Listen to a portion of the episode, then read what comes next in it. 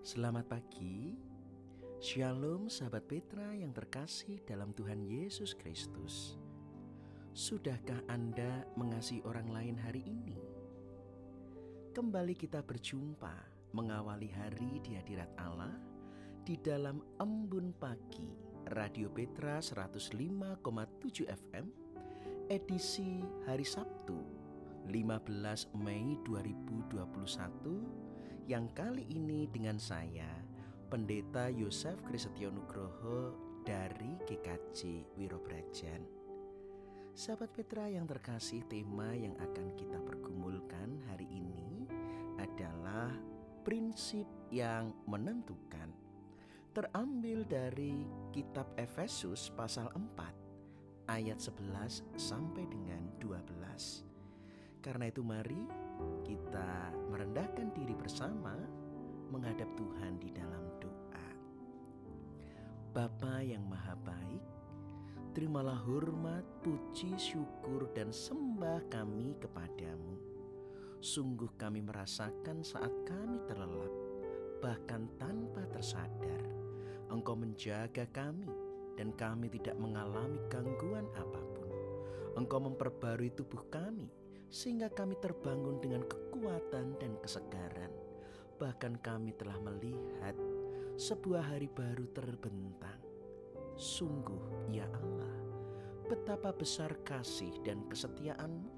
Segala yang terbaik telah Engkau sediakan sebelum kami memintanya. Engkau layak kami puji, kami sembah, dan kami hormati sekarang dan selama-lamanya. Karena itu ya Bapa, sebelum kami melangkah. Kami menghayati bahwa kami tidak dapat berjalan melakukan kehendak-Mu, bahkan menikmati segala berkat-Mu tanpa tuntunan firman-Mu. Kami sungguh membutuhkan pertolongan dan penyertaan-Mu. Karena itu Bapa bersama segenap sahabat Petra, pikiran hati dan jiwa kami telah terarah kepadamu bersabdalah di tengah-tengah kami melalui hambamu ini, dan kami siap untuk mendengar, menghayati, dan biarlah sabdamu justru memberi kekuatan dan kuasa ketika kami hidup sebagai pelaku-pelaku firman-Mu. Dosa dan kesalahan kami mohon ampun, ya Allah. Dalam nama Kristus, Putramu yang tunggal, Juru Selamat kami yang hidup, kami berdoa. Amin. Sahabat Petra yang terkasih, firman Tuhan yang menyapa kita pagi hari ini terambil dari Efesus 4 ayat 11 sampai 12 yang demikian sabda Tuhan.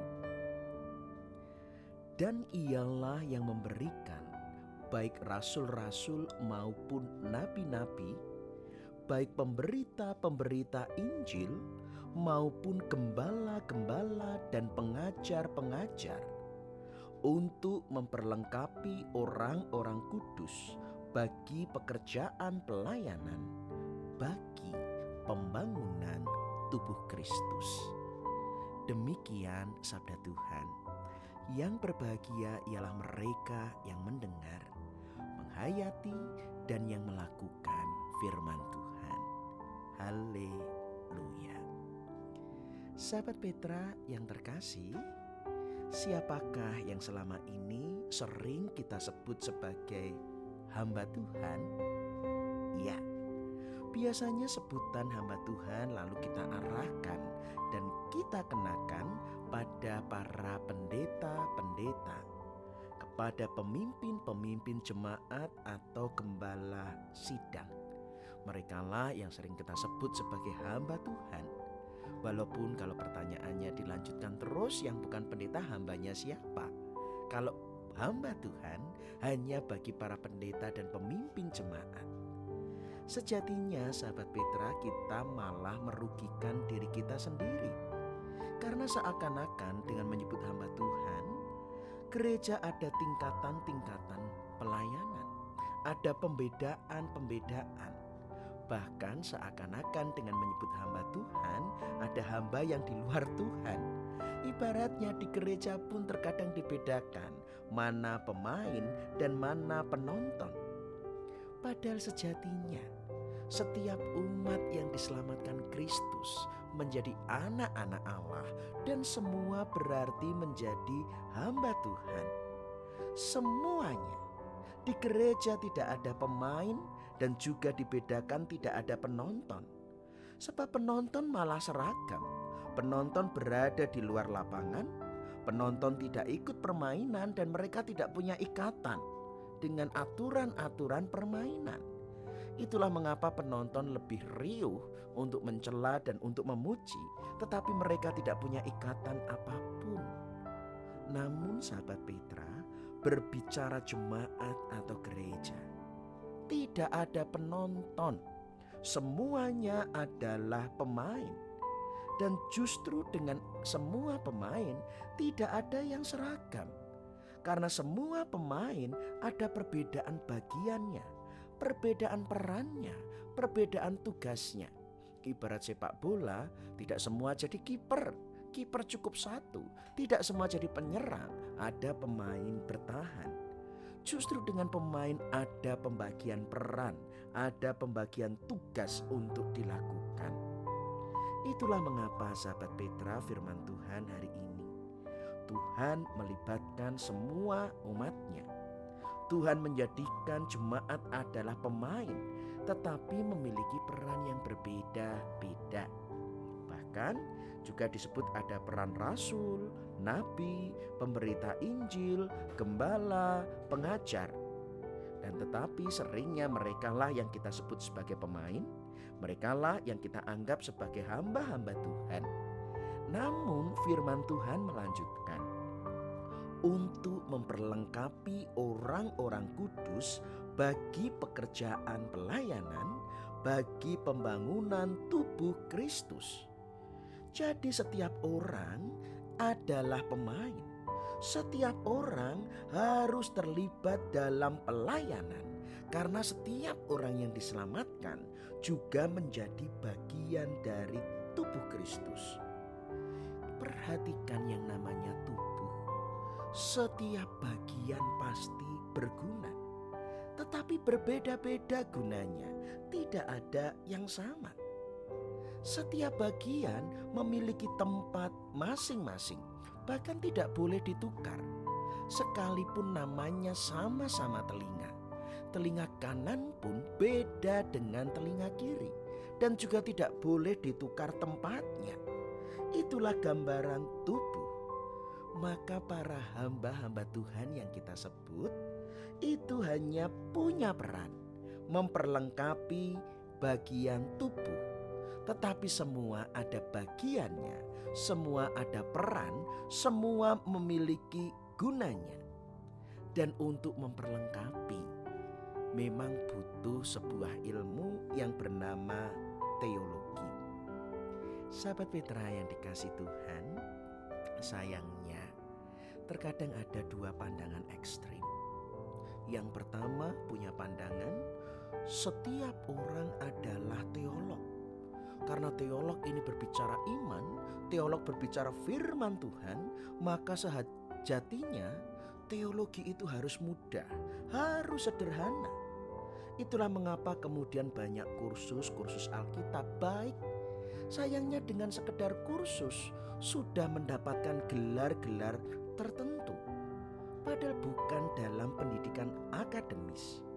Bahkan terkadang ada pihak-pihak yang karena merasa sudah punya jemaat melayani umat lalu menyebutnya dirinya adalah teolog. Ini berbahaya. Bahkan ada tidak tahu bahwa Alkitab dari bahasa Yunani dan Ibrani. Tetapi bisa merasa dirinya adalah teolog karena hanya karena membaca firman Tuhan atau aktif terlibat pelayanan. Ini bahaya. Ada orang yang sebenarnya tidak tahu tapi merasa tahu, malah menjadi sok tahu. Di sini ibaratnya seorang mantri kesehatan dan merasa berpengalaman dengan ilmu kesehatan, berpengalaman menangani pasien lalu buka praktek bedah. Itu sungguh berbahaya. Tetapi juga sahabat Petra ada ekstrim yang lain kalau demikian, teolog hanya bagi sarjana atau bahkan harus yang benar-benar mendalami, para dokter teologi itulah para teolog. Ini juga berbahaya. Ilmu menjadi terasing. Ilmu menjadi begitu rumit, dikuasai sedikit orang dan hanya pada ruang-ruang akademis, ruang-ruang kampus. Orang malah takut belajar kitab suci nanti salah. Bahkan teologi karena urusan kampus, lama-lama teologi tidak ada relevansinya, fungsinya, manfaatnya bagi kehidupan itu sendiri. Asik terlalu menafsir tanpa tahu apa relevansi dalam kehidupan sehari-hari. Sahabat Petra, lalu bagaimana seharusnya? Menurut saya, mari siapa pun orangnya umat Tuhan harus dan wajib berteologi. Setiap orang wajib melayani. Setiap orang memang hamba Tuhan. Dan karena itu ia harus punya penghayatan iman.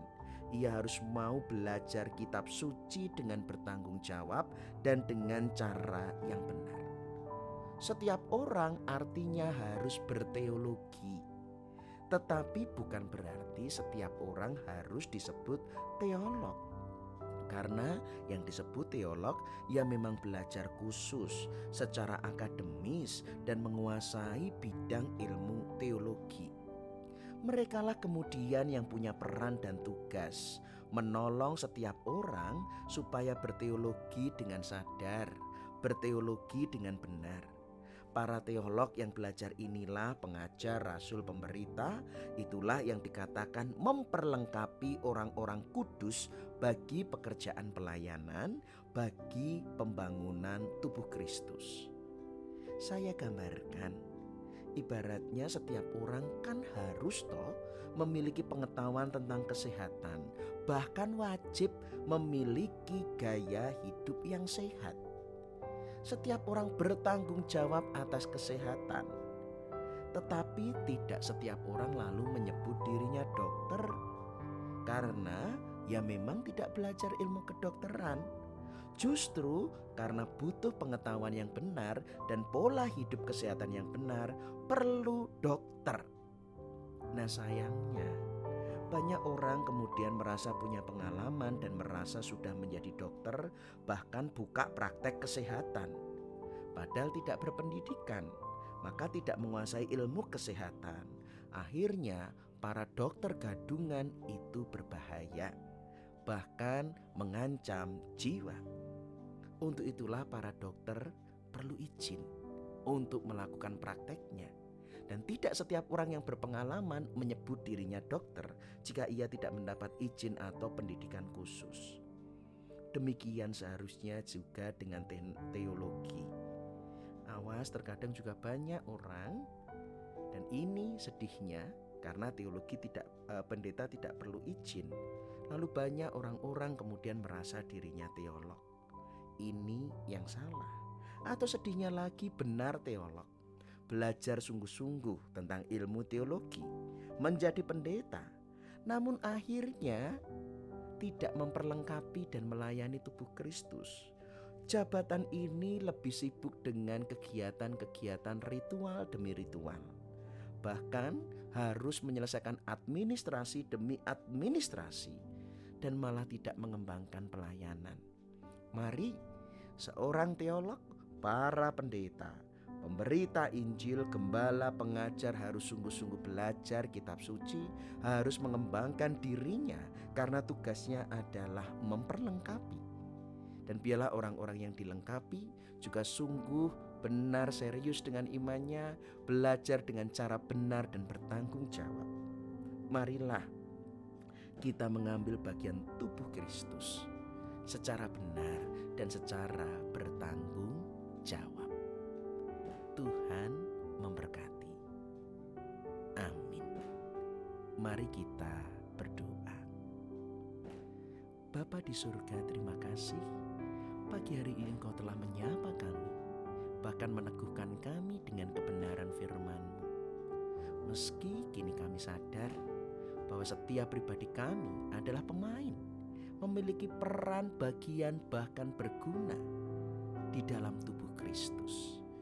Karena itu Bapa, biarlah setiap hamba-hamba Tuhan sungguh belajar mengembangkan diri karena bertugas untuk memperlengkapi. Janganlah hanya sibuk dengan kegiatan-kegiatan ritual atau tugas-tugas administrasi karena sejatinya adalah mengajar, memperlengkapi, membawa kebenaran-kebenaran firman Allah. Dan biarlah kami sebagai bagian tubuh juga boleh mendengar, menghayati dan sungguh-sungguh memahami supaya kami berteologi dengan benar, kami beriman dengan benar dan sungguh nyata dalam buah-buah kehidupan kami. Kini Bapak kami akan menghadapi hari ini. Kami mohon penyertaan dan perlindungan Tuhan terlebih di masa corona ini. Peliharalah kami supaya kami tidak berkekurangan suatu apa pun. Tuntunlah kami supaya kami dapat melewati kesusahan dan keprihatinan ini bersama-sama dengan penuh keselamatan. Sembuhkanlah mereka yang sakit, hiburkanlah mereka yang berduka cita, karuniakan jalan keluar bagi mereka yang bergumul, peliharalah dan hiburkanlah mereka yang usia lanjut, supaya mereka semakin engkau sempurnakan pengharapan di dalam Kristus. Terima kasih Bapa, kini kami siap untuk menjadi pelaku-pelaku firman dan kiranya hari ini segenap rancanganmu atas kehidupan kami digenapi. Dosa dan kesalahan kami mohon ampun di dalam Kristus, Putra Allah, Juru Selamat kami yang hidup, kami berdoa, kami mengucap syukur. Amin. Sahabat Petra yang terkasih, sebelum kita akhiri, mari kini kita arahkan hati kepada Tuhan dan menerima berkatnya. Tuhan memberkati saudara dan melindungi saudara. Tuhan menyinari saudara dengan wajahnya dan memberi saudara kasih karunia. Tuhan menghadapkan wajahnya kepada saudara dan memberi saudara damai sejahtera. Dalam nama Allah Bapa, Putra dan Roh Kudus. Amin. Demikian sahabat Petra yang terkasih, kebersamaan kita mengawali hari melalui Embun Pagi edisi Sabtu 15 Mei 2021 Kiranya firman Tuhan meneguhkan kita, memberi kekuatan melewati hari ini. Mohon maaf jika ada atur ucapan saya yang kurang berkenan, kiranya saya diampuni. Dan sekarang, selamat beraktivitas, tetap semangat dan tetap sehat. Tuhan memberkati dan melindungi kita. Saya, Pendeta Yosef Kristianugroho dari GKJ Wirobrajan mohon undur diri.